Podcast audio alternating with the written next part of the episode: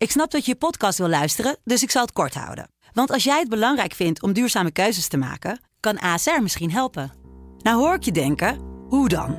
Nou, bijvoorbeeld bij het duurzaam herstellen van schade. Of de premies die we beleggen volgens ons duurzaam beleggingsbeleid. Dat bepaalt waar we wel en juist niet in investeren. Wil je meer weten over welke duurzame keuzes ASR maakt? Ga dan naar asr.nl slash duurzame keuzes. ASR doet het. Zo, dan kan je nu lekker naar je podcast luisteren. Dit is de voetbalpodcast Kick-Off van de Telegraaf. Met chef voetbal Valentijn Driessen, Ajax volgen Mike Verwijn en Pim CD. Een hele goede dag. Nou, maar kom er maar in. Wat zou, wat, wat zou Feyenoord Ajax worden volgens jou? Weet ik niet, wat heb ik gezegd? Wat weet jij dat nog, Valentijn, wat hij zei? Zo, ja, dat- ik ben helemaal doodge-sms'd eh, of geappt. Eh, Rond het einde van die wedstrijd. Makkeli moest nog Volgens mij afsluiten. Wilde hij even laten weten Ja. dat hij de goede uitslag ja. had. Volgens mij had hij 3-0 gezegd, hè? 0-3. Ja, 0-3. 0-3 zelfs, ja. En eh, ja, voor de, voor de luisteraars, Mike Verwijder kwam hier net de studio in. En die zei van, nou, ik wil dat fragment terug horen. En ik wil eh, bejubeld en eh, beloond worden. Anders neem ik die hele podcast nooit meer op. Ja, dat is dus een beetje een teleurstelling voor, voor Mike. Want ik heb geen kibbeling mee. Jij, Valentijn? Nee, nee, nee, nee. Nee, ik wist niet eens meer. Ja, Het gaat mij één oor in de andere oor uit wat Maar- er Maar geroepen wordt. ik heb een verrassing voor jullie. Zet, zet even jullie, eh, jullie koptelefoontje op. Ik zal... eh, Want, want dit is niet zomaar een opname van eh, de podcast Kick-Off. Zijn jullie er klaar voor? Luister maar even.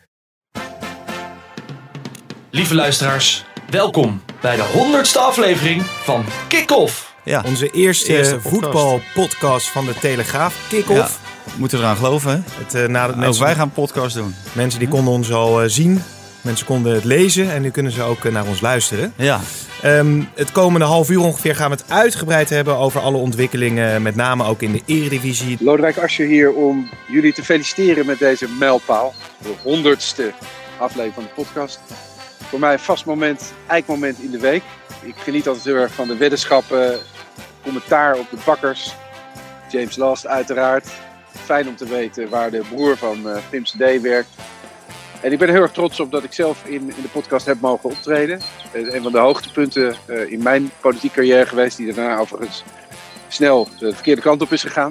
Maar dat ligt niet aan, aan de podcast. Eh, dus ik wens jullie nog vele jaren. En heel veel ehm, nieuwtjes. Heel veel Ajax. Jammer dat er ook nog aandacht wordt besteed aan andere clubs. Maar ik snap dat het onvermijdelijk is. En vier het, vier het uitbundig. Van harte gefeliciteerd. Hoi, Valentijn en eh, Mike. Gefeliciteerd met jullie eh, honderdste podcast. Wordt zeer goed beluisterd. Is ook een interessante pod- podcast. Eet lekker je kibbeling. Ik kom een keertje langs en dan eh, hoop ik dat eh, Mike ook weer zijn kibbeling bij zich heeft. En natuurlijk ook gefeliciteerd Pim. En je werkt ook mee aan deze mooie podcast. Heel veel succes en ik hoop dat er nog vele honderden mogen volgen. Gefeliciteerd mannen. Pim, Valentijn, Mike.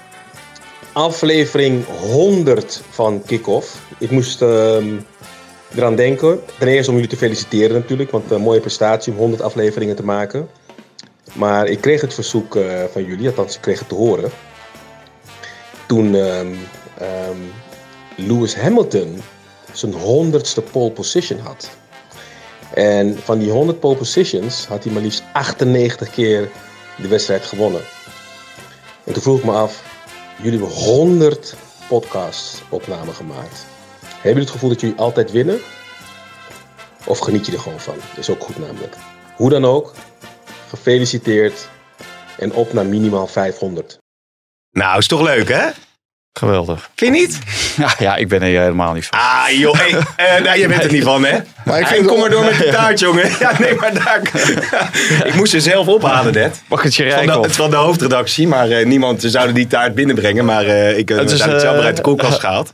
Het is, het is een echte hoor, van een plastic. eh hij Het is echt een taart. Oh. Maar goed, ja, jongens, eh, eh, toch een mijlpaal, hè? maar-. Maar nu loop je wel een heel groot risico, Pim. Hoezo? Wat? Ja, dat verhaal heb ik al drie keer verteld over die stagiair die bij ons eh, op zijn laatste dag taart meenam. Hij als bakkerszoon dat hij de legendarische woorden sprak na de eerste hap. Taart, taart. Dit is toch geen taart? Ja, bij deze heb je al verteld, hè? Drie keer. Ja, precies, ja. Jezus. En toen? Nou, toen eh, ging die jongen huilend naar huis. Ja, is ook nooit, ja. nooit meer Is teruggekomen. nooit meer goed gekomen. Maar is het een goede bakkerij, eh, Rijkhof? Of Ik niet? heb er nog nooit van gehoord. Nee, nee, nee. Is het ook een beetje, heeft de, de hoofdredactie een beetje uitge, uitgepakt? Hoe, hoeveel keer moet jij Rijkhoff zeggen om deze Maar, taart eh, gratis eh, te krijgen? Dit is een, eh, Ja, maar ik- jongens, Jan de Hoopje. Er, er zit, er zit ook een kaartje bij. Maar als ik dat kaartje voorlees van, dat van de hoofdredactie, dan, dan schoppen jullie mij deze podcast set uit volgens mij. Hè? Le- le- lees maar Jullie voor. kunnen, eh, moet ik het voorlezen? Ja hoor. Echt waar? Valentijn, speciaal voor jou. Nee, heren, een welverdiende taart bij de honderdste voetbal kick-off podcast. Jullie maken de meest smakelijke, meest interessante, leukste voetbalpodcast van Nederland. De stijgende cijfers onder de duizenden volgers zijn een compliment voor jullie bevlogenheid en kennis. Leuk dat er een muzikale toevoeging is gekomen. Beter last dan nooit. Geniet ervan. Dik verdiend. Dit, dit moet Kamran zijn. Want volgens mij is dat de enige hoofdredacteur die die podcast luistert. Toch? Nou, dat weet ik niet, maar dit is toch Maar dit jongens, is ja. eh, wij van WC Eend. Wij van WC Eend. Ja, jij vindt het helemaal even, niks, hè? eh, ja, die, het, het zijn allemaal... Ja, ja, ik vind het leuk en aardig hoor. Maar Nou het, ja, is- het is toch leuk. Het zijn allemaal van die... eh, hè, opgelegde pandoer is het. Van eh, we bellen even, zeg even wat. En, eh, ik moet zelf af en toe ook wel doen, maar... Nee, jongens, kijk, Eh, maar ik ik heb, wil wel nee, even dit was antwoord echt geven op de vraag van Humberto Tan. Ja. En dan verdient Mike alle complimenten natuurlijk. Want Mike heeft voor het eerst in de podcast... is er een voorspelling is uitgekomen. Ja. De 0-3 van Ajax. Ja, vol- is volgens dat mij- voor het eerst? Nee, Op de vol- honderdste. Is dit de honderdste of was afgelopen week de honderdste? Nee, dit is de honderdste. Is We zitten nu in de honderdste podcast. Nou, volgens mij hebben we het één keer eerder goed gehad. Dus waar Lewis Hamilton van de 100 keer 98 keer heeft gewonnen, hebben wij er eh, van de 100 keer denk ik twee gewonnen. Ja, Twee- precies. twee gewonnen. Maar hey, Valentijn, wat een weg is het geweest, hè? Wat een Oh, route, hè? Wat zijn nou jouw hoogte en Van die dieptepunten van 100 onzin. Ja, kick- Ja, ik- ik- 100 keer dat, dat, dat we zoveel onzin, eh, zoveel uren onzin hebben kunnen Ik vind dat toch, ik moet dat, je, jij- je, heb je, ben je wel eens, wel eens eh, gelauwerd of zo? Of heb je wel eens een prijs gewonnen? Nee. Je hebt daar helemaal niks, maar wel eens iets gewonnen? Ja, een taart. Net. maar voor de, rest, zitten- voor de Nee. rest heb ik nog nooit iets gewonnen. Nee, nee. Nou ja, goed. Ja, nou, het, het slaat helemaal dood hier, jongens. Dat, Hè? eh, Ik heb dit helemaal voorbereid. Umberto en Lodewijk benaderd. Ja, taart en zo, man. Wat gaat het Taart is niet mijn idee, hè? Dat is van de overdrachtse idee. Nee, Maar eh, van de chef, eh, chef sport. Ik kwam wel. Journalistieke, dat dan, prijzen willen wij niet winnen. Die worden gewoon door collegaatjes onderling eh, verdeeld. Nou goed, zullen we overgaan eh, tot, eh, tot de orde van de dag dan? Hè? Ja, ja laten Ja? we over. Ja. Ja, oké. Ja.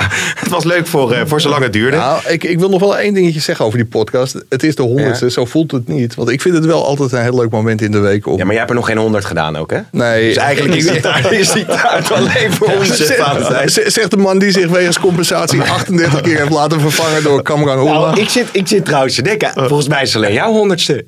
Nu ik Nee, het- nee, want- Heb ik, eh, nou, Nee, eh, oh ja, ja, ik zelfs nee. wel met een gebroken heup eh, heb ik meegedaan. nee, maar je hebt hem één keer laten schieten toen Ja? door je gebroken Dus, had. dus de lag conclusie ik, is eigenlijk, ja. het is niemands honderdste Nee. podcast. Ja, Nee. dit? Nee, nee, Nee. volgende week dan. Stuur die taart maar terug. Ja, precies, precies ja. Misschien voor de kan die wat ja. een taart winnen van de Misschien paar dagen. Van bakkerij Rijkhoff overigens. Volgens zijn al onze vaste luisteraars nu afgehaakt. Maar ga, ga toch maar Oké jongens, we gaan het over de selectie van het Nederlands elftal hebben. De maar weten we wie die drie waren?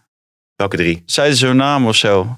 Want ja, jullie gaan er maar vanuit dat iedereen weet dat Lodewijk Asje, Atemos en eh Humberto Humberto Tan. Ja, dat hoor je Maar- toch wel. Ja? Dat hoor. En ze waren, nee, maar wat, kijk, zal ik er dan één dingetje over zeggen? Wat ik wel leuk vond, je hoort aan hun reacties wel dat ze luisteren. Je is zo de man. Nee, Ja. maar dat, eh, Kibbeling, dat- dan moet je, dat weet je alleen als je die show luistert. Anders Ja, weet ja, je niet de wel- broer van Pim CD. En, eh, Als ja, ik dit soort dingetjes mee. krijg, dan krijg ik altijd zo'n lijstje. Wil je dit en dat even zeggen? Nee, ik heb dit, dit heb ik niet, heb ik niet eh, voorgekoud. Dit is echt spontaan. Ja, ze hebben maar je zelf ziet gebeld. het ook, eh, zelfs, zelfs op de velden van SV Ilpendam. Er zijn toch echt mensen die eh, die podcast beluisteren. En Zo is het. Zo is het. Maar we hebben er lang genoeg over gesproken. De voorselectie van eh, Frank de Boer. Ja, nou, ik, heb denk als- dat Mike daar wel wat over kwijt Wat, wil. eh, wat wil je daarover kwijt? Geen Stenks, geen Babel? Nou, dat ik het thuislaten van Ryan Babel eigenlijk wel heel goedkoop scoren vind. Ja? Heel Nederland wil dat Babel thuis blijft ongeveer. Dit, Ja. Dat is de nationale pispaal inmiddels. En Frank de Boer die sorteerde heel lang voor, eigenlijk tot en met afgelopen maandag, op het meenemen van Ryan Babel. En dat hij dat uiteindelijk niet doet. Ja, ik kan me niet aan de indruk onttrekken dat hij is gebogen voor de, voor de publieke opinie. Nee, zullen we heel veel luisteren wat Frank de Boer er ik, zelf ik, denk over de- zei? ik denk niet dat, dit, dit, eh, dat hij Nee. eh, gebogen heeft voor de publieke opinie. Want dan had hij al veel eerder eh, die, die eh, beslissing kunnen nemen. En ik denk ook niet dat hij die neemt, zeg maar, eh, drie dagen voor dat hij de daadwerkelijke voorselectie. Maar ik vind het ook wel vreemd als ik zie hoe eh, te vuur en te zwaard Frank de Boer altijd Ryan Ja. Babel heeft verdedigd. Ja. Dat hij nu afvalt. ja, laten we even luisteren hoe Frank de Boer dat zei. Ik weet dat hij zich heel eh, erg naar uitgekeken naar het toernooi. Waarschijnlijk ook misschien zijn laatste kunstje.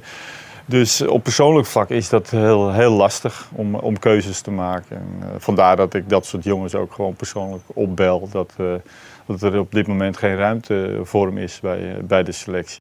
Ja, Ja, Fra- Frank de Boer heeft het over een lastige keuze. Ja, dat kan. Maar dan had hij het zichzelf heel veel makkelijker kunnen maken. maken namelijk door hem gewoon in, in maart niet te selecteren. Want de wedstrijden met Galatasaray voor die Interlands in maart speelde hij 1 minuut, 7 minuten, 7 minuten, 72 minuten, 8 minuten en 2 minuten. En nu, na die Interlands, heeft hij 45, 90, 83, 12, 45, 78, 73 en 58 minuten gespeeld. Is in de race om zondag kampioen te worden met Galatasaray. Ja. En scoort. Ja, dan maak je het jezelf ook moeilijk. Dus je selecteert hem altijd. Je bent lyrisch over hem.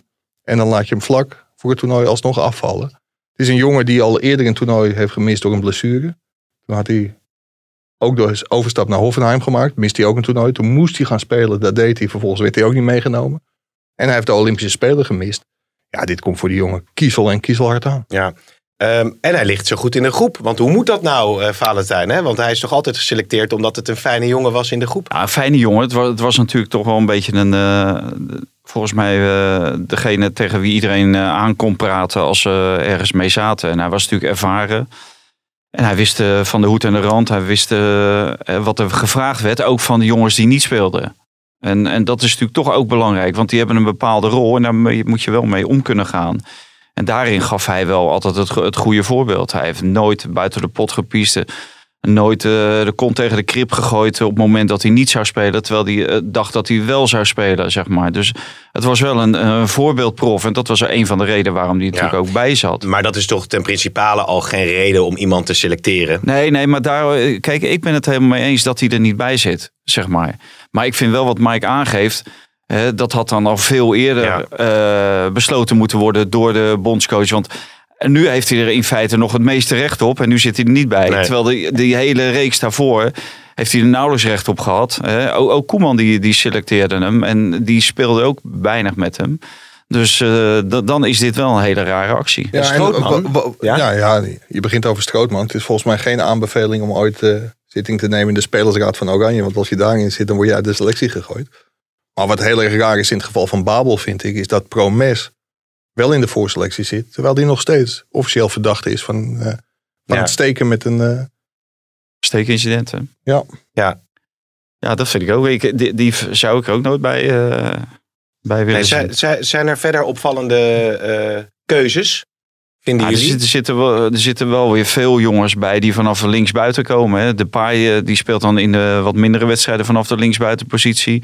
Malen die is voor die positie. Eh, Bergwijn is voor die positie. Gakpo is voor die positie. En het is, het is eigenlijk eh, een beetje een positie die eh, bij eh 5-3-2 of eh 3-5-2, hoe je dat wil invullen, eigenlijk niet echt bestaat. Ja.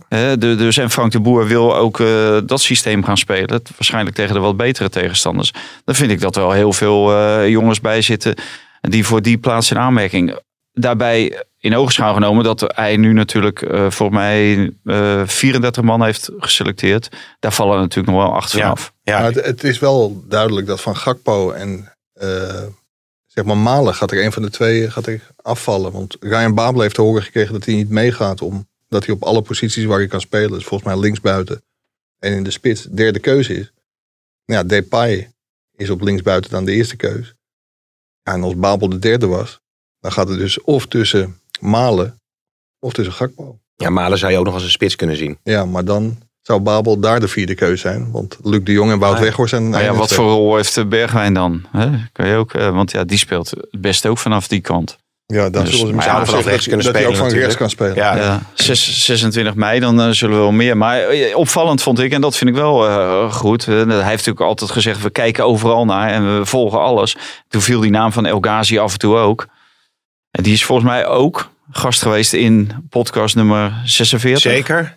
Nou Was ja, 44, 44 dacht ik. Ja. Dat zoeken we op. We zoeken het op. Ja. Nou, de luisteraar die dit goed heeft, die wint de twee eh, James Last LP's. Nou, moet hij in al die podcast eh, maar dat afleveringen is toch gaan... prima. eh, Dat is toch prima? Oh ja, toch niks anders te Nee, doen. Precies. Heeft hij het fragmentje al gevonden waarin ik de 0-3 van Feyenoord voorspel? Hein, hein is onze producer, mensen. Ik krijg trouwens ook net een bericht binnen van Herma. Hè? Dat, dat, wie, wie kan even uitleggen wie Herma is? Vaste luisteraar. Nou, doe zelf maar. Nou, secretaris van Paul Jansen zegt goed hè, van de hoofdredacteur. Die zegt de taart staat in de koelkast tegenover de kamer van eh, de adjunct hoofdredacteur. Herma, ik heb de taart al gevonden, dankjewel. Ik heb mezelf hierheen gebracht. Want ik dacht, die verrassing, er komt hier straks iemand op de deur kloppen. En die komt die taart brengen. Maar ja, ik zag die taart maar Ja, niet. maar we kunnen hier natuurlijk niet met vijf man in dit hok. Nee, Vier in deze Nee, corona, met deze coronamaatregelen. Oh, overigens, want jullie hebben het dan over linksbuiten. Maar als je naar eh, rechtsback gaat. Maar had ik die naam El Ghazi nou genoemd? Sorry, Ja, toch? Ja, ja, El Ghazi. Ja, je wilde doorpakken. Kijk, die, die, dat vind ik wel heel goed dat, dat, hè, dat er breder wordt gekeken. En El Ghazi maakt gewoon een hele goede indruk bij Aston Villa. Topniveau, hè? eh, net, net onder de, de top in, in Engeland, maar wel in de Premier League. Ja, geen makkelijke competitie. Staat niet altijd in de basis, maar ja, laat op momenten dat hij, eh, dat hij het moet laten zien, laat hij het ook zien. Het is, eh, moet ik zeggen, ook best wel een goede pinchhitter, eh vind ik hem. Fysiek sterk natuurlijk. Ja. Ronaldo hadden we het toen over, hè? dat hij een beetje de, de body had van Cristiano Ronaldo. heeft ook een hele moeilijke beslissing genomen voor, Ne- voor het Nederlands elftal te kiezen. Daar scoor je in Marokko nooit de populariteitsprijs mee. Sterker nog, dat levert je een hele vervelende periode op. Want het wordt je echt niet in dank afgenomen. Maar hij heeft die keuze gemaakt. En ja, nu zit hij er weer bij. Ja. Het is misschien wel een mooi bruggetje naar die Ihatare. Want die schijnt echt van Ronald Koeman toch de toezegging gehad te hebben... dat hij, eh, dat hij meegaat, zou gaan naar dit EK. Maar daar heeft Frank de Boer gewoon een streep doorgezet. Hmm. Die eh, voelt zich niet verantwoordelijk voor de afspraken van zijn voorganger. Nee, dat vind ik ook begrijpelijk. Dat hij hem niet heeft geselecteerd. Ja, ja. Nou, dat hij hem niet selecteert en dat hij eh, geen boodschap heeft aan de, eh, de beloftes die de vorige bondscoach heeft Nee. gedaan. Ja, dat, dat vind ik ook. Maar het maakt een voetbalbond wel heel onbetrouwbaar. Hè? Ja, maar op een Ja. gegeven moment als je echt niet meer speelt, dan, dan, ja, dan, dan, dan had die belofte misschien niet gemaakt moeten worden. Nee, of die, je moet die belofte anders maken. Van als jij gewoon blijft spelen, ga je mee. Ja, ja, Ja, ja, maar ja. ja, ik, kijk, ik, ik twijfel absoluut niet aan de bronnen van, eh, van Mike wat dat betreft. Maar ik kan me nauwelijks voorstellen dat de voetbalbond heeft goedgekeurd, zeg maar. Dat Ronald Koeman eh, de, de belofte doet van een speler, jij gaat mee. Ja. Dat, dat zou wel heel amateuristisch zijn. Ja. In een, in een topsportklimaat. klimaat. Zullen we zo doorpakken over het Nederlands elftal, maar even de stellingen erbij halen? Dat kan. Komt ie? Zit- Raar, Zit, Wout Weghorst ertussen? Of? Want dat is natuurlijk wel terecht dat hij bij de, bij de selectie zit. Eh, daar gaan we het zo over hebben. Zit niet bij de stellingen, nee. Nee, nee, nee. Heb je al, heb je al voordat de stellingen komen al kritiek op, op de stellingen? Nou ja, kijk of, er- kijk of er ontkenning is. Ja, precies. Eh, het is eh, raar dat Stenks ontbreekt in de voorselectie. Nee, vind ik ook een hele goede keuze. Stelling. Van, eh, oh, Het is raar dat Oh, ja. Ontbreekt Ja. in de Ja, ik voorselectie. zal van het even ergens anders kijken. Eh, raar dat Stenks ontbreekt. Eh, eens? Nee, het- niet eens. Nee, niet oneens. eens. Oneens. Hij wordt met de podcast scherper. Hè? Kan je nagaan dat ze bij 200 zitten, joh. Eh, Mike? eens. Jij vindt het raar. Ajax gaat Sulemana daadwerkelijk aantrekken. Heb ik een glazen bol, maar ik zeg maar eens. Oké. Eens. ADO gaat failliet. Oneens. Oneens. Advocaat heeft gelijk met zijn uithaal naar Kuit. Eens. Oneens. Ook in Nederland zullen spelers zichzelf en hun gezin beter moeten gaan beschermen tegen criminelen. Wat Rayola natuurlijk zijn, dat interview eh, bij jou. Dat is wel een hele lange stelling. Eens. Eens. Ralf Seuntjes is een aansteller. Eens. Eens. Ronald Koeman is volgend seizoen geen coach meer van Barcelona. Eens. Oneens. Zo, nou, wat vond je ervan? Goede stellingen. Heel goede stellingen. Eens. ja. Zullen we het Nederlands zelf even doorpakken? Want jij wou Weghorst eerst bijhalen. Stenks dus ook, vind ik zelf wel interessant. Maar ja, Weghorst logisch toch? Ja, dat vind ik wel. Ik had al gedacht dat hij erbij had moeten zitten als er 23 spelers naar het EK zouden gaan. Maar Ja. toen er drie plaatsen extra kwamen, toen, eh, toen was wel volgens mij wel duidelijk dat hij mee moest. Ja, ik, vind, ik heb net eh, Wim Kieft eh, gesproken voor zijn column. Mhm. Die is natuurlijk zelf pinchhitter geweest. Maar die, eh, die had daar wel een interessante theorie over. Die zei, eh, nou, dit maakt sowieso Luc de Jong beter. Want Luc de Jong die, die zat eigenlijk eh, hè, die, die zat in een eh, leunstoel bij dat Nederlands elftal. Want hij, was, hij was sowieso pinchhitter. Geen concurrentie. En eh, als de paai niet in de spits speelt, speelde hij altijd in de spits. Maar hij vindt eh, Weghorst beter, completer dan, eh, dan Luc de Jong. En hij heeft een beter, beter jaar gedraaid. Maar Ja. dat, dat zegt op, op zich niks. Maar nu kan Weghorst van dichtbij aan de boer laten zien dat hij beter is. Eh, als spits dan eh, Luc de Jong. Ook als vaste spits van, eh, van het Nederlands elftal. Ja. Zeker omdat de boer erop voorsorteert dat hij eh, ja, regelmatig met eh, de paai vanaf links gaat spelen. Met een vaste spits eh, ja, in de persoon van of eh, Luc de Jong of, of Wout Weghorst. Ja, maar zou het gezellig zijn aan de, aan de dis bij de familie De Boer? Nee, dat denk ik niet. Komt er een keer of drie in de week, geloof ik, zei Frank de Boer. Oh ja? Go- Goedemorgen, Eredivisie. Natuurlijk is gewoon zo'n stanks. Ja, het is natuurlijk wel een uitstekend eh, signaal. Daarmee laat je wel zien dat het niet uitmaakt eh, wie je bekijkt en wie je beoordeelt. Dus dat het echt van de, van de kwaliteiten afhangt. Er zijn natuurlijk ook nog heel veel vraagtekens bij, bij Donny van der Beek. Heeft dezelfde zaakwaarnemer als Frank de Boer. Daar, daar stellen mensen toch wel vraagtekens bij. Maar als je zo'n statement maakt met Stenks, dan, eh, ja, dan is er geen enkele twijfel over je, over je objectiviteit, denk ik. Ja, ja. Nee, en, en hij heeft het gewoon niet laten zien afgelopen jaar bij AZ. Nee. De, de veelbelovende ontwikkeling eh, heeft hij niet kunnen voortzetten. Dood, doodzonde, want je, je ziet gewoon de, in potentie dat het een geweldige speler kan zijn. Maar ja, je moet toch veel meer brengen, zeker bij een club als AZ. En dan- zijn, Da, daar zei Frank de Boer over dat hij gewoon ook vond dat Stenks niet één of twee keer per helft gewoon een keer een actietje moest maken. Maar dat veel dwingender en Ja. veel vaker moest doen. Maar je zou eigenlijk gewoon een keer een camera moeten kunnen zetten op die gesprekken aan de keukentafel bij de familie de Boer. ja. Want het fanatisme van Frank, ja, had Kelvin Stenks daar maar een tiende van. Dan had hij waarschijnlijk al veel beter gespeeld. Want als je toch zoveel potentie hebt, echt een geweldige voetballer. Maar die moet nog wel de drive krijgen om veel meer van zichzelf te laten zien. En zo zijn dus twee raspaardjes, om maar dat vreselijke woord te gebruiken. Hè? Waarom met Iatare en, en de Calvin Stenks, die, die Ja. in potentie natuurlijk de creativiteit aan Oranje kunnen toevoegen, Ja. die zijn er gewoon niet bij. En allebei vanaf de rechterkant. Ja, Nu is eh, in feite Berghuis de enige die echt vanaf rechts, maar ja, El El Ghazi. Ghazi El Ghazi dan, ja. kan, nu, eh, kan daar nu ook eh, spelen. Maar Berghuis is ook wel iemand die eh, op zijn donder moet zitten met, met een goede concurrent. Ja. Dus daarom jammer dat Robert er niet bij was. Nee, dat was ook wat zeg, hé. De, de, de, de, lobby om Robben naar het EK te krijgen. Je moet even je hand voor je mond weghalen. De lobby om Robben naar het EK te krijgen, ja. Maar als iemand toch goed genoeg is, dan ja, maakt het toch in feite niet uit. wedstrijd eh gespeeld. Je zei nog aan het begin van het seizoen dat hij moest stoppen. Ja. ja. Maar ja, als hij eenmaal EK. doorbreekt, als hij doorbreekt en, eh, en dat gaat allemaal goed. En, Ja, oké. Nou, vooruit Dus- dan maar. En, veel, en tot slot over het Nederlands elftal veel rechtsbacks, hè? Tete, Hatenboer, Karsdorp, Dumfries, Veldman, Timber. Nou, Veldman, Timber kunnen ook centraal natuurlijk. Ja, dat was ook de, de verklaring hè, die hij gaf, eh, Ja. de boer. Over dat hij eh, multifunctionele spelers weer met het oog op het spelen van diverse systemen. Als je met 5-3-2 speelt, dan heb je eigenlijk twee backs nodig, links en rechts, die mee eh, ten aanval trekken. Nou ja, dat kunnen Dumfries en Hatenboer kunnen dat goed. Eh, ja, en soms heb je gewoon een echte verdediger nodig als rechtsback. Dat is bijvoorbeeld eh Tete. En onze grote vriend eh Timber, ja, die kan natuurlijk eh, bijna alles achterin. Je zou wel met eh, deze selectie dat, dat 3-5-2 of 5-3-2 systeem goed kunnen uitvoeren natuurlijk. Ja, maar dat kan je met alle selecties kan je zo samenstellen dat je dat kan, eh, Ja. kan uitvoeren. Je kan ook een selectie samenstellen dat je alleen maar 4-3-3 kan Of spelen. het Big Dick systeem. Of Kun je Big er ook Dick goed mee systeem. spelen. Maar als je het nou over spelen, Fant, hij zei net terecht van El Ghazi heeft het geweldig gedaan in de Premier League. En wie ook een compliment verdient wat dat betreft is Joel Veldman. Ik had toch wel heel erg mijn twijfels Ja. of die zich staande zou houden in de Premier League. Maar is volgens mij speler van het seizoen geworden bij eh, Brighton. Brighton, Hoven Albion. En ja, die heeft het gewoon heel erg goed gedaan. Dus dat, dat is wel heel knap. Ja, ja zeker, zeker.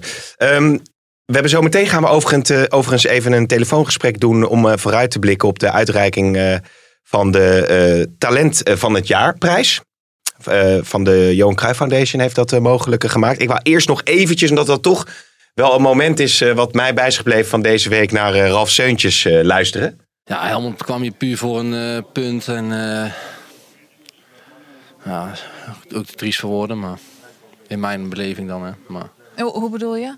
ja, dat, je, dat ze zo hier komen spelen, speelt jaar aanvallend voetbal, gaan ze hier aanpassen om, eh, om 0-0 te spelen. Ja. Ah, dat zou jij toch ook doen als tegenstander zijn, hè? Nou ja, als je daar nergens meer voor speelt, zou ik dat niet doen. Ik heb bij Telstar gespeeld, dat hebben wij nog nooit gedaan.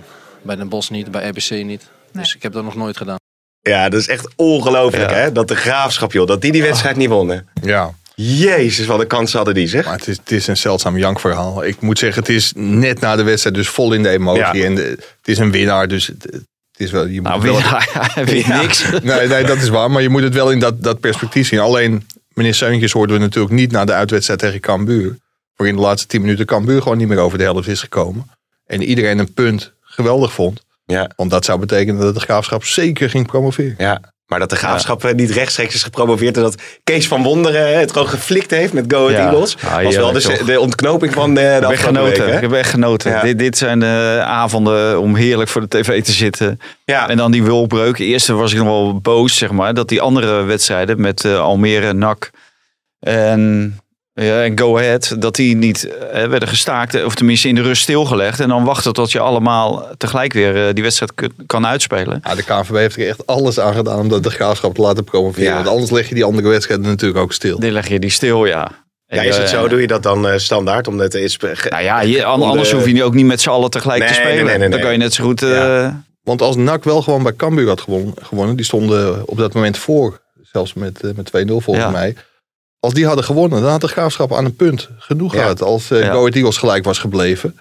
Maar ja, dat ging uiteindelijk nog allemaal anders. Dus wat dat betreft werd de KNVB wel gered tussen aanhalingstekens. Maar het had een hele rare situatie kunnen opleveren. Dat de graafschap op een punt had kunnen gaan, eh, gaan spelen. Ja, ja, ja. En dat moet je als KNVB nooit willen. Want kennelijk is er dus gewoon bij de KNVB niet van tevoren nagedacht. Kan ook iemand een hartstilstand krijgen, een hele gecompliceerde beenbreuk oplopen. Ja, dan kan een wedstrijd stilgelegd worden.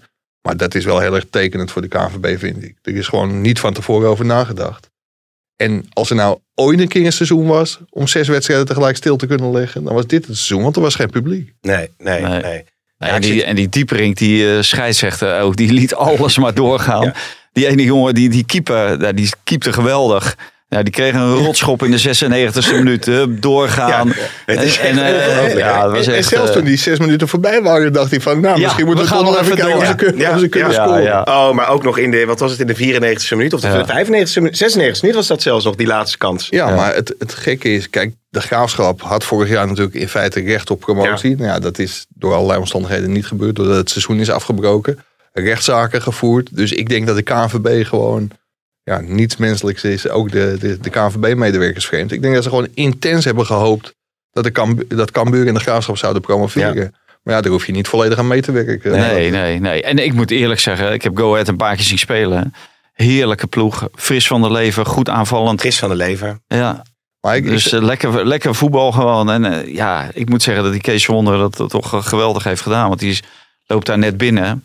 En overal waar je eh, eh, navraag doet naar Kees Wonder zijn altijd, mensen altijd positief over. Oké, oké. Dus eh, Ik zag gisteren een heel mooi lijstje voorbij komen. Dat was het zeg maar, aantal speelronden dat een ploeg op een plek had gestaan die, die recht gaf op promotie. Bij de graafschap was dat eh, 36 keer van de 38 speelronden. Ja, dat is wel zo. En bij Go Ahead Eagles 1 na 38 En dat is het mooie van voetbal, mensen. Waar je de, eigenlijk de Heerlijk. spanning ook verwacht in de eredivisie, in die, in die degradatiewedstrijden. Ja, ja, valt het maar- daar eigenlijk iets tegen. ja, die duurt maar dat, één, één eh, wedstrijd. Precies, en eh, Ja. krijg je het allemaal terug in de, in de eerste divisie. We gaan even, even bellen. Ja, Desmond, eh, jij bent van de Johan Cruijff Foundation. In hoeverre is de Johan Cruijff Foundation gekoppeld aan de Talent van het Jaarprijs? Nou ja, met de Johan Cruijffprijs wilde Johan Cruijff jonge voetballers een duwtje in de richting geven. Nou, tenminste, vooral in de juiste richting. Ehm, en ook hen iets geven om iets te doen op maatschappelijk vlak. Dus in die Ja. zin is het natuurlijk wel een directe link met de prijs. En wat is hetgeen eh, er op maatschappelijk vlak eh, kan worden gedaan door talent? Nou, ja, in die zin wordt het wel gekoppeld aan, aan zo'n project en aan een kruifkoord. En hopen natuurlijk ook wel dat er een, ja, een langdurige betrokkenheid is vanuit de spelers, vanuit nou, de club waar die, eh, nou, waar die speelt, Ja. met dat desbetreffende kruifkoord. Ja, woensdag dan wordt eh, de prijs eh, bekend eh, gemaakt. Ik ben benieuwd, talent van het jaar. Eh, heren, zeg het maar. Ja, ik ben eigenlijk benieuwd eh, wie eigenlijk die lijst met genomineerden heeft eh, gemaakt. Ja. Ja, Desmond. Ja, dan moet je met de billen bloot. nou ja, die lijst, tenminste, we maken ook een longlist. Eh nou, die longlist wordt uiteindelijk gemaakt op basis van een aantal, eh, aantal nou, nou, kwaliteiten of eigenlijk eisen. Dat bijvoorbeeld een speler aan een bepaalde leeftijd moet voldoen, maximaal 23 jaar. Eh, hij moet een belangrijke speler voor zijn club zijn. Nou, en eigenlijk tussen al die nou, ja, kandidaten gaan wij eigenlijk in samenwerking met bijvoorbeeld de Telegraaf, toevallig, eh, maken wij eigenlijk een shortlist op. Waarbij ook weer toevallig 14 spelers naar voren komen. Ja, en uit die 14 spelers wordt, eh, ja, wordt een winnaar gekozen. Ja. Maar door, door het, het mooie is, eh, degene die de winnaar kiezen, dat, eh, dat is een, eh, een keur aan eh, ex-topvoetballers met, met grote prijzen. En die, die echt eh, wel weten waarvoor ze, waarvoor Ja. ze moeten kiezen. Ja, Erik ten Hag, Dick Advocaat, Willy Dullens, Pascal Jansen, Danny Buis. Nou, ze kunnen nog even Frank Rijkaard, Wim Jonk. Nou, ja, ze echt een, echt een prachtige lijst is dat in er, inderdaad. Ook de bondscoach zie ik staan. Ook de bondscoach Frank de Boer, die, die staat erbij. zeker. Tot 23 dus. Eh, ja, er, ik zit, als je zit te denken aan eh, talenten die dit jaar eh, hebben uitgeblonken. Mike, bij Ajax? Bij Ajax denk je aan Divine Range, aan Jurien Timber, maar vooral aan Ryan Gravenberg denk ik. Die jongen heeft bijna alle wedstrijden gespeeld, de meeste minuten van allemaal gemaakt. Een fantastisch seizoen achter de rug. Ja, en Valentijn, heb, komt, bij andere clubs komen jouw spelers erboven? Gak, Gakpo bijvoorbeeld. Eh, nou ja, bij, eh, bij AZ natuurlijk. eh Wijndal, eh Koopmeiners, eh Stenks. Hebben we dan nog meer? Nog een uh, Koopmeiners, Stenks, Wijndal, de vierde. Wie is de Vanuit? vierde? Vanuit AZ. Ik zat eventjes nog wat, eh, wat, wat te lezen, dus ik was Boadu. even niet... eh, Boadu. Boadu. Nou ja, die Boadu, die zou hem niet... eh, Uh, Doniel Malen Ja. natuurlijk. ook bij het Nederlands elftal. Ja, dus, eh, zeker. Wat een talent eigenlijk, hè? Maar Desmond, Ja, klo- klopt, klopt het dat het niet alleen om voetbalkwaliteiten, maar ook om houding, om nog veel meer aspecten gaat dan alleen het voetbal? Ja, zeker. Kijk, natuurlijk hè, kijken we natuurlijk naar kwaliteiten. En, nou, en, en net al wordt de 14 juryleden worden opgenoemd. Nou, daar zit natuurlijk super veel kennis. Dus die kunnen vast wel beoordelen. Maar inderdaad kijken we ook naar, nou ja, naar sociale vaardigheden. Is het een teamspeler? Wat is de persoonlijkheid van zo'n speler? Wat is de sociale betrokkenheid? Ja, en, en eigenlijk al die vaardigheden, ja, noem het 14, 14 Cruyffiaanse waarden, die zorgen ervoor dat er uiteindelijk een winnaar eh, ontstaat. Ja, ik, ik, moet, ik moet eigenlijk Desmond denken aan een eh, speler die, eh, die internationaal misschien wel uitdraagt eh, wat, wat, wie zo'n prijs zou kunnen winnen. Als je het over Rashford hebt van Manchester United. Dat is iemand die en enorm veel talent heeft, maar zich op maatschappelijk vlak natuurlijk fantastisch... Die eh, staat niet op de longlist. eh. die staat niet op de longlist. Maar dat is wel natuurlijk, hè, ik, ja, help me even jongens, zeg, hey, hè, bij deze honderdste podcast. Ja. Maar die zet zich in voor, voor, voor jongeren om, om voedsel te geven of, of geletterdheid, et cetera. Ja, in, in Nederland eh, zou ik eh, geen vergelijkbaar eh, geval kunnen, maar, of, eh, kennen. Maar ik, ik denk dat ze er best wel zijn en dat er heel veel eh, gebeurt buiten ons gezichtsveld. En zeker als je weet wat voor initiatieven de clubs allemaal nemen. Ja. En, en de spelers individueel ook. Maar, maar ehm, kan je een aantal eh, winnaars noemen van de laatste jaren? Want eh, Pim die denkt dat- het allemaal eh, hè, voorbijgangertjes zijn. Nee, helemaal Nee? niet. Ik zou niet durven. Volgens mij was Arjen Robben de, de eerste, of niet? Klopt dat, eh, Ja. Desmond? Ja, ja, dat klopt. En er zijn Cruijffkort liggen ook nog steeds in Bedum. Uh, nou, Cruijffkort Bedum, dat was in 2003. Ja, en, en daarna zijn er spelers geweest als Klaas-Jan Huntelaar, Ibrahim Afellay, Gregory van der Wiel. Miralem Soleimani komt nog, voor, komt nog voorbij. Ja, en de laatste twee keer waren er twee keer Ajax-spelers, namelijk Frenkie de Jong en Matthijs de Ligt. Ja, ja. Dat waren wel twee redelijk terechte winnaars. eh, lijkt me ook. Voor welke transfersoms, eh, Ja. transfersommen die weg zijn gegaan naar- en naar welke clubs. En Desmond, tot slot, hoe ziet die, die uitreiking eh, eruit in deze coronatijd? Geen groot schalen, helaas. Nee, daar moet je natuurlijk een beetje creatief in zijn. Dus eh, nou ja, wij koppelen hem sowieso natuurlijk aan een kruidkoord. Hè? Dus nou, de Ja. locatie van de uitreiking zou een kruidkoord zijn. Nou, de locatie laat ik nog even in het midden, want anders kan er al gespeculeerd worden. Maar eh, nou, wij zullen daar gewoon een eh, coronaproof eh, nou ja, event, feestje van maken. En natuurlijk ook samen in samenwerking met de Telegraaf. Om daar een, eh, nou ja, goede verslaglegging van te krijgen. Oké, hey Desmond, veel succes daarbij en eh, dank voor, eh, voor je tijd. Super. Succes. Geen Doei, doei. Fijne dag. Laten we over Ajax hebben even, Mike. Ja, zijn veel... Van Soleimani naar Sulemana. Ja.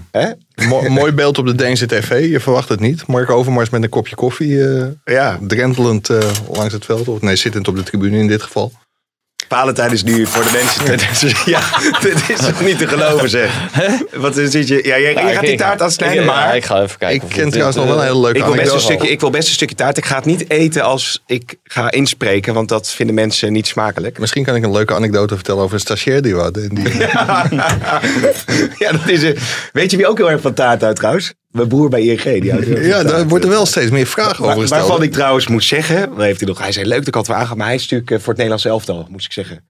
ING sponsor Nederlands elftal. Ja? Nee, Zeg, zeg nog even drie keer ING. Kan, kan ING Nee. deze, deze podcast niet gaan sponsoren? Nou, dat kun je bij deze. Misschien dat hij, eh, dat hij er wel op eh, reageert. We Weet, weten onze luisteraars dat, dat je broer bij ING werkt? Nou, nu wel inmiddels, denk ik. Hij heeft trouwens ook bij ABN, of mag even, ik weet het eigenlijk niet eens meer. Maar goed, eh, dat bij Trefpunt, et Maar cetera. het zou wel leuk zijn als ING deze podcast kan, kan gaan sponsoren. Ja. Kun, jij, kun jij dat niet regelen? Ik, ga- ik, hey, kijk, ik heb nu taart, eh, nou, ik heb taart niet geregeld. Ik heb Roberto Tan geregeld. eh. Uh, maar Valentijn horen we nu een kwartier. Nee, god, wat maak je Dit er ook dit van. vol. Dit is toch niet corona-proof, eh, Valentijn, hoe En dit, dit hoe is geen gaat. punt. En we gaan niet, niet, niet smakken voor de, voor de camera. Sulemana, De camera of de microfoon? voor de microfoon. Ja, Su- Sulemana, eh, de, de beelden die ik heb gezien, maar dan ben je echt afhankelijk. Ik ben niet naar Denemarken geweest in deze coronatijd, maar dan ben je afhankelijk van de beelden op internet. Ja, Ja, het is een, eh, het is een leuke speler om te zien. Erik ten Hag zei daar gisteren tijdens de persconferentie ook iets over. Heel creatieve speler, snelheid, diepgang.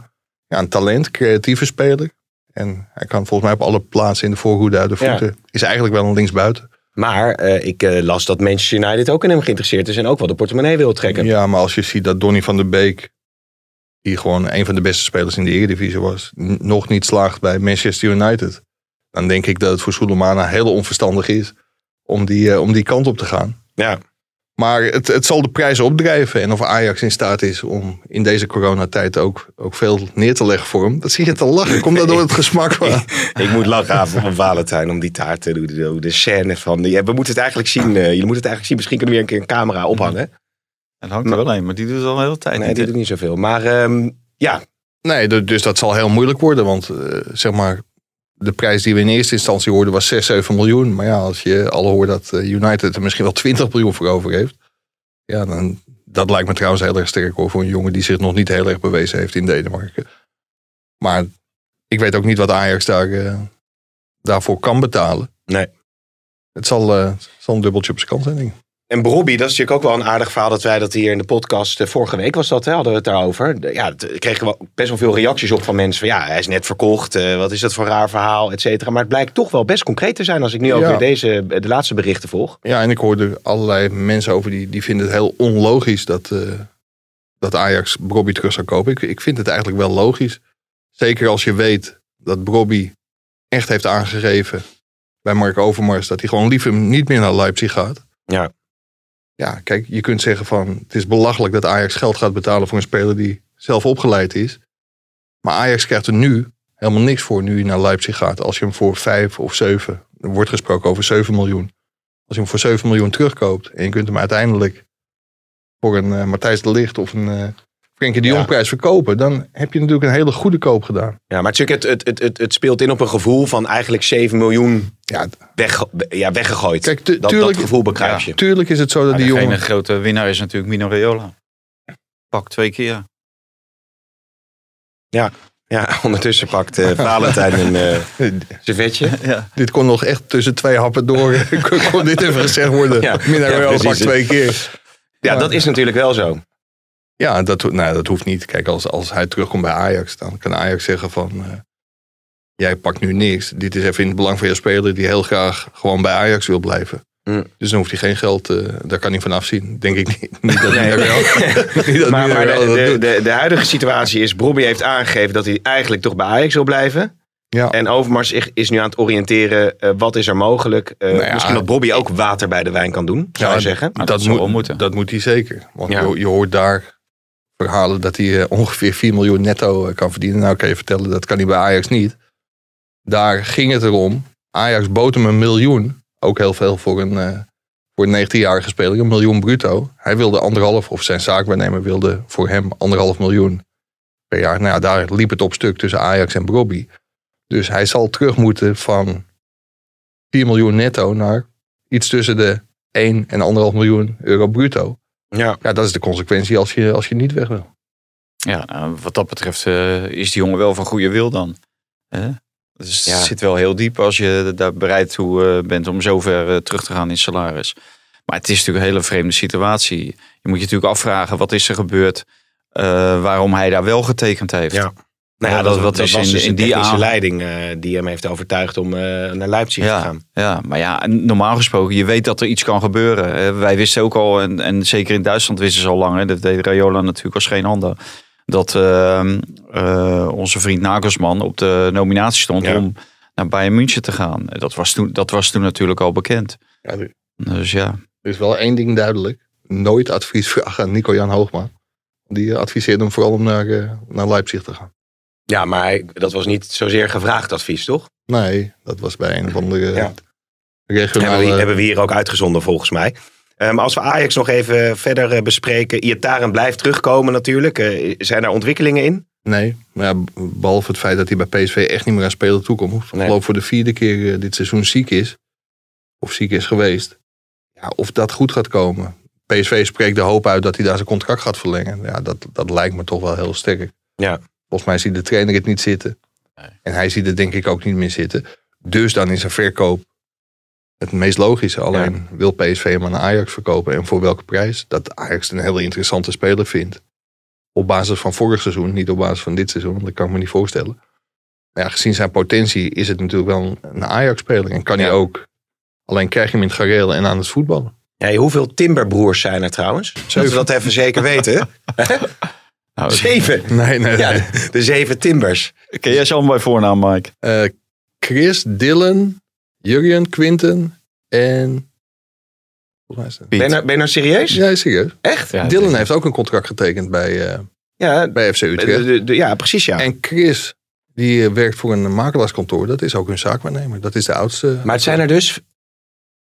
Ik denk vier. Niet te geloven, hè? Ja. Hoe, hoe groot is jouw gezin?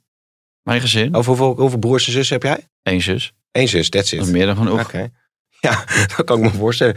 Maar nee, goed, dat is even, even een tussendoortje. Wil je mijn, het- mijn gezin ook weten? Ja, hoeveel Ah, broers en is niet- zussen? is niet zo groot als dat stuk taart van, eh van Valentijn. Nee, ik heb één zusje. Oké. Oké, ik heb een broer. En die, eh, die ik weet- heb, ik heb twee, eh, twee oudere broers. Goed zo weten luisteraar, toch? Waar- bij podcast werkt die 100. andere broer? Die is arts. Oké. Ja, ja hoofd-halschirurg. Dus, eh, nou ja, waarvan akte. Hebben we Dus verder jij nog- bent eigenlijk gewoon het minst goed terechtgekomen. Wat schaapje. Ik, eh, nou, ik vind dat ik hartstikke goed terecht ben gekomen, jongens. Ik, eh, ik heb 100 podcasts eh kick-off gepresenteerd. ik red geen mensenlevens, dat is waar. Maar ja, dit is toch ook... hè? En ik, ik krijg gratis taart. Maar heb je deze week nog over bijzondere dingen, schaamhaken of... eh, Eh, geen schaamhaar deze week, wel Wouter de Winter. Afgelopen dinsdag weer. Ja? dus, maar goed. Is er verder nog Ajax nieuws? Lach je Wouter nou uit of toe? Toe. Oké. Is er verder nog Ajax nieuws wat je moet bespreken, Mike, of niet? Eh, nee. Geen groot Ajax nieuws. Zullen we dan heel even toch naar eh, Zahavi eh, gaan? Eh, even zijn eh, reactie na de afgelopen wedstrijd. Uh, it was uh, really emotional days. Uh, you know, it's ups and downs. Uh, things are coming back. Uh, you know, sometimes uh, even a panic attack uh, when someone ring the door. so you know, it's small kids in the end. They they, they need uh, time to to really understand and to really step over this uh, this case. But we will give them all the support they need. Ja, wat een, eh, wat een verhaal was dit. Jij hebt dus Rayola ook daarover gesproken. Ja, zeg het maar. Weet je, is, is, kan, je, kan je daar een algemene conclusie aan, eh, aan verbinden? Of, of is het een incident dat... nou ja, dat, het in ieder geval heel onverstandig is om maar allerlei dingen te laten zien over je privéleven op, eh, op social media. Want ja, het schijnt dat Savi toch wel geregeld een heel duur horloge liet zien dat al verkocht was voordat, eh, voordat die overval gepleegd was. Hmm. En ja, dat ze toch redelijk makkelijk bij zijn huis konden, konden komen. Ja. Ik heb van de week wel een collega John van de Heuvel gesproken. Die had begrepen dat het er echt wel heel heftig aan toe is gegaan in dat huis. En dat eh, de, de vrouw van Zahavi ook wel eh, heel erg bang is geweest dat het gewoon verkeerd zou aflopen. Dus dat, eh, ja, dat, dat is gigantisch heftig. En je, je sprak net over dat artikel met, met Mino Raiola. Ja, die, die zegt van de tijd van naïviteit moet toch echt wel voorbij zijn. In andere landen is dit helaas al schikking en inslag. En daar moeten Nederlandse voetballers zich toch tegen gaan wapenen. Misschien wel letterlijk. Ja, dat is een verschrikkelijke impact die dat ook heeft natuurlijk op dat hele gezin. Je hoort wel eens van mensen eh, waar de huis van is leeggehaald. Of dat er mensen binnen zijn geweest waar je niet bij bent. eh, omdat je toevallig weg bent. eh, wat een impact dat al heeft. En nu ben je erbij. En de, de agressieve manier waarop ze zijn benaderd. ja. En met de kleine kinderen. En ja, met de monden dichtgeplakt met tape. En ja, is gewoon niet voor te stellen. Nee. Gewoon echt niet voor te stellen. Nee, maar tegelijkertijd, eh Mike, wat jij aanhaalt over het, het, het, het, posten op social media, dat, dat, dat zie je natuurlijk overal gebeuren. Eh, nou ja, bij, bij veel eh, spelers die dat, die dat natuurlijk wel doen. Ja, maar ke- kennelijk is er toch, zeg maar, de social media maken mensen toch ook blind. Want vroeger, als je drie weken op vakantie ging, dan plakte je geen briefje op de deur van bakker, doe maar drie weken geen brood, want ik ben op vakantie. Ja, dat was natuurlijk ook een uitnodiging voor allerlei mensen. Ja. Maar mensen maken wel selfies in een vliegtuig van, eh, nou, lekker twee weken naar Kos of drie, eh, drie weken die kant op. Ja, er gebeuren dingen die gewoon niet heel handig zijn. Nee. En jezelf elke keer maar op de foto zetten met, eh, met dure merkkleding, met horloges, met... Ja, dat nodigt toch een stel criminelen uit om tot dit soort idiote, gewelddadige acties over te gaan. Ja, dadelijk kan je niks meer natuurlijk. Dadelijk kan je niet eens meer op vakantie. Eh, als, als je daar allemaal aan toegeeft. Hè, wat Mike te- terecht zegt over die dure spullen die je op eh, Instagram of op eh, Twitter of weet ik waar allemaal kan zetten. Ja, dat moet je gewoon niet meer doen. En daar Nee. zullen die clubs hebben daar natuurlijk ook een, een taak in om, om die jongens daarop eh, te wijzen. En, en te laten inzien dat je dat gewoon niet moet doen. Maar Riola schetste ook wel, vond ik wel, wel een reëel beeld. Dat natuurlijk bij, bij veel buitenlandse clubs spelers bijvoorbeeld in appartementencomplexen wonen. Of, of, of die compounds waar je natuurlijk beveiliging hebt om überhaupt een terrein op te komen. En dat, is, dat kennen we in Nederland natuurlijk toch wat minder. Ja, je hebt bijvoorbeeld op de Zuidas denk ik wel wat meer soortgelijke indeling van appartementen. Dat je een portier hebt beneden. Ja, er zijn natuurlijk gewoon in heel veel landen al spelers die ervoor kiezen om niet in een villa te gaan wonen. Een afgelegen villa, want ja, je hoort ook de raarste verhalen van bedwelmende gassen in de airco's, door de brievenbus, onder de deur door. En dat vervolgens alle huizen leeg zijn. Ja. ja het is denk ik heel verstandig om in een, eh, in een beschermd compound eh, te, te gaan wonen met beveiliging. Ja. Nou, ik, ik was een keer bij Dirk Kuyt in eh, Liverpool. Ja, die, die woonde inderdaad eh, op zo'n compound Ja, met, eh, met bescherming en met beveiliging. En eh, ja, daar kwam je gewoon normaal gewoon niet op. Dick Hek werkte voor. Nou. En woonde die samen met die Bellamy. En die, die had het al een paar keer, eh, was het hem overkomen. Eh, overval. Dus eh, ja. Je noemt nu in één zin noem je eh Kuit en Dick het hekwerk. Ja, dat is een bruggetje natuurlijk. En dat kan ik niet laten liggen. Ja, nou, voor, ik wil je bruggetje niet verknallen. Maar zie jij trouwens bij de jury ook iets leuks eh, staan? Voor de Johan Cruijffprijs. Daar zitten, eh, ik denk niet dat ze van bij- Hooijdonk, Frank de Boer, Rafa van der Vaart, Boena Nee, Roes, je, je hebt hem al genoemd. Dick Advocaat en Pierre van Hooijdonk. Ze zitten samen in de Oh, jury. ja. Maar ik denk niet dat de jury bijeenkomt. Nee, nee, nee, precies ja. Maar eh, nou, nu liet eh, Dick Advocaat zich deze week eh, nogal eh, ja, duidelijk eh, uit over Dirk Kuyt. Dirk Kuyt die was bij ons te gast en hij zei... ehm, ik had liever de talenten gezien. Die vind ik eigenlijk niet minder, hè, die nu verhuurd zijn... dan de spelers die nu bij Feyenoord in de basis staan. Ik ben blij dat Dirk Kuyt het gezet heeft. En ik- dan, als hij dit soort dingen zegt, dan ben ik blij dat hij heel kort bij ons is geweest. Kan hij daar nou over oordelen? Maar hij is toch hij heeft bij u stage gelopen, toch? Hij heeft, heeft hij? Hij heeft toch stage hier ook gelopen en hij heeft die talenten... Week. Zijn talenten zijn Toen waren die talenten er toch niet meer. Maar hoe kan hij nou oordelen dat die be- spelers beter zijn dan die spelers die er nu in staan? Ja, die persconferenties met advocaat. Het is, het is wel eh, uithalen her en der. Ja, gelukkig gaat hij nog even een week door. Ja, maar heeft hij hier gelijk? Nou, ik vind, ik vind het ook eh, raar dat Dirk Kuyt eh, dit ineens roept. Hè. Je, je hoort hem nooit of je ziet hem nooit.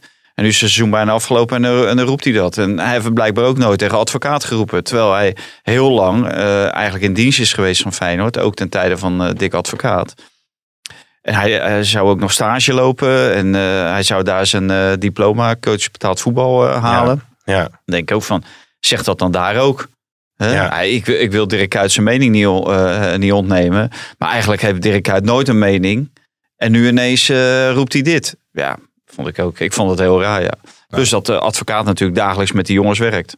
Ja. Ah, Dirk, Dirk, Dirk Kuyt heeft natuurlijk best een mening. Ook eh, zit tegenwoordig als analist op tv. En het is niet zo dat hij gebeld heeft van... hey, ik wil eens even mijn mening... wa- Wat was het? BRTV Rijnmond of iets- dergelijks, geloof ik? Ja. Van hey, ik wil even mijn mening verkondigen. Nee, daar word je voor gevraagd. En dan heb je een mening.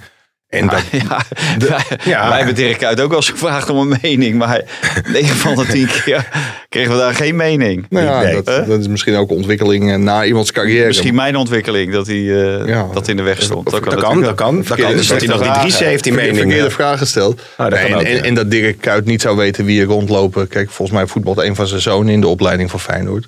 Dus ja, hij is er eh, een aantal keer in de Ja. week.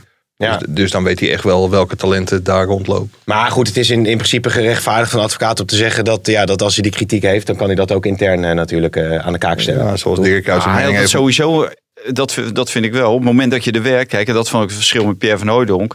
Hè, die zit daar verder vanaf. Wij zitten er ook verder vanaf. Ja, als, dan, dan kan je moeilijk zeggen van iedereen die er ver vanaf zit, die mag niks zeggen. Hè, die mag geen mening hebben. Maar op het moment dat je daar binnen loopt en je, je bent daar kind aan huis en je was eigenlijk voorbestemd om een nieuwe trainer te worden, dan vind ik wel dat jij eh, Ja. je mond open moet trekken. Ja, ja, ja. Nee, nee, duidelijk. Ehm, nog heel eventjes, want jij had dus 0-3 eh, gezegd, hè? Toch? Was het nou zo? Feyenoord-Ajax? Ja, maar dat, dat vind ik wel heel leuk. Dat jij gewoon alleen fragmenten laat horen. Als wij er gigantisch naast zitten. Dat is ongeveer 100 keer gebeurd in 100 afleveringen. Ja, en het ja. valt me gewoon echt tegen dat je het fragmentje niet hebt. Maar eh, er zijn natuurlijk weer duizenden voorspellingen binnengekomen van onze trouwe luisteraars. Die, die, die, die, dat groeiend aantal trouwe luisteraars. En we hebben daar een loodje uit moeten trekken. En Tim van Zel, die zei dat Feyenoord-Ajax 1-3 zou worden. Er was volgens mij nog één iemand anders die ook 1-3 had gezegd. Maar Tim krijgt de James Last eh, LP Nee, die, die is dus gewoon voor mij. Ja, nee. Jij krijgt een stuk taart. Dat is weer wat, dat is weer, dat is weer wat anders. Dus, Nou, ja, dat moet ik je Maar dus teleurstellen. niemand had 0-3. Nee, maar daar moet je echt een meesterbrein voor zijn. Oh, ja. Ik weet niet wie dat zei, maar, Maar jij kan, iemand jij, die jij kan mij een stuk taart beloven, maar vol- volgens mij Fanta die hele taart nu op. Ja, zeer smakevol Hij is, eh, eh, allemaal. hij is wel goed, Hij is eh, wel lekker. Oh, ja. Dat is fijn. Jongens, ik heb nog twee dingen die ik wil benoemen. Eh, ADO Den Haag en Barcelona. Willen we eerst even naar het buitenland? Er zit een klein verschilletje tussen. Hè? Ja, nou, nou, Eerst wat ik ja, James Last even zoveel schuld, maar... Gaan we even naar het buitenland. Huppatee. Echt, toch, toch weer fijn nog even, hè? Maar die, eh, ik kreeg ook nog eh, iemand, eh, hij is ook op de radio tegenwoordig. Hè? Ja, er was iemand die had inderdaad gereageerd dat die James Last op de radio Die had polka, eh, voorbij zien toch? komen. Ja, het is, het is echt Ja. die... Re- noem je dat ook alweer? Revival? Remonta? Remont, remonta? Remontado, maar dat was het niet.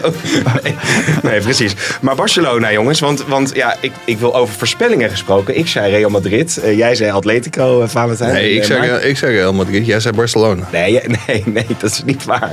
Ik zei... Bar- nou, Nee, doet nee, nee, jij zei we- Barcelona. Gaan we terug luisteren. Maar Barcelona... Oh, dat, is- dat fragment, fragment heb je wel. Ja, natuurlijk. Maar Barcelona is het, eh, is het kwijt. En meteen eh, heeft Laporta met Koeman gezeten om Ja. over een aanvallender speelstijl te Maar praten. ik vond het al heel opvallend dat het eigenlijk al maanden krijgt Koeman bijna bij iedere persconferentie de vraag of hij volgend jaar nog trainer Ja. van Barcelona is. Nou werkt die club met zoveel directeuren, hè, veel meer dan, dan in Nederland, die allemaal wat te zeggen hebben. En die natuurlijk allemaal nieuw zijn naar aanleiding van die eh, presidentsverkiezingen. Dus ja, ik heb het idee dat eh, Koeman daar eh, op de schopstoel zit. Ja. en dat het enige wat hem kan redden is de dubbel. En dat ze geen genoegen nemen met alleen de beker. En ik moet zeggen, de laatste weken spelen ze natuurlijk niet best. Als je gewoon niet, Levante en. Granada wint. Ja, maar, ja, als- maar die win je dus niet. Maar als je toch ziet hoe hij dit seizoen moest, moest beginnen, met wat voor selectie en wat voor jeugd hij heeft laten doorstromen. Het zou echt belachelijk zijn als hij daar, daar weg zou Ja. moeten.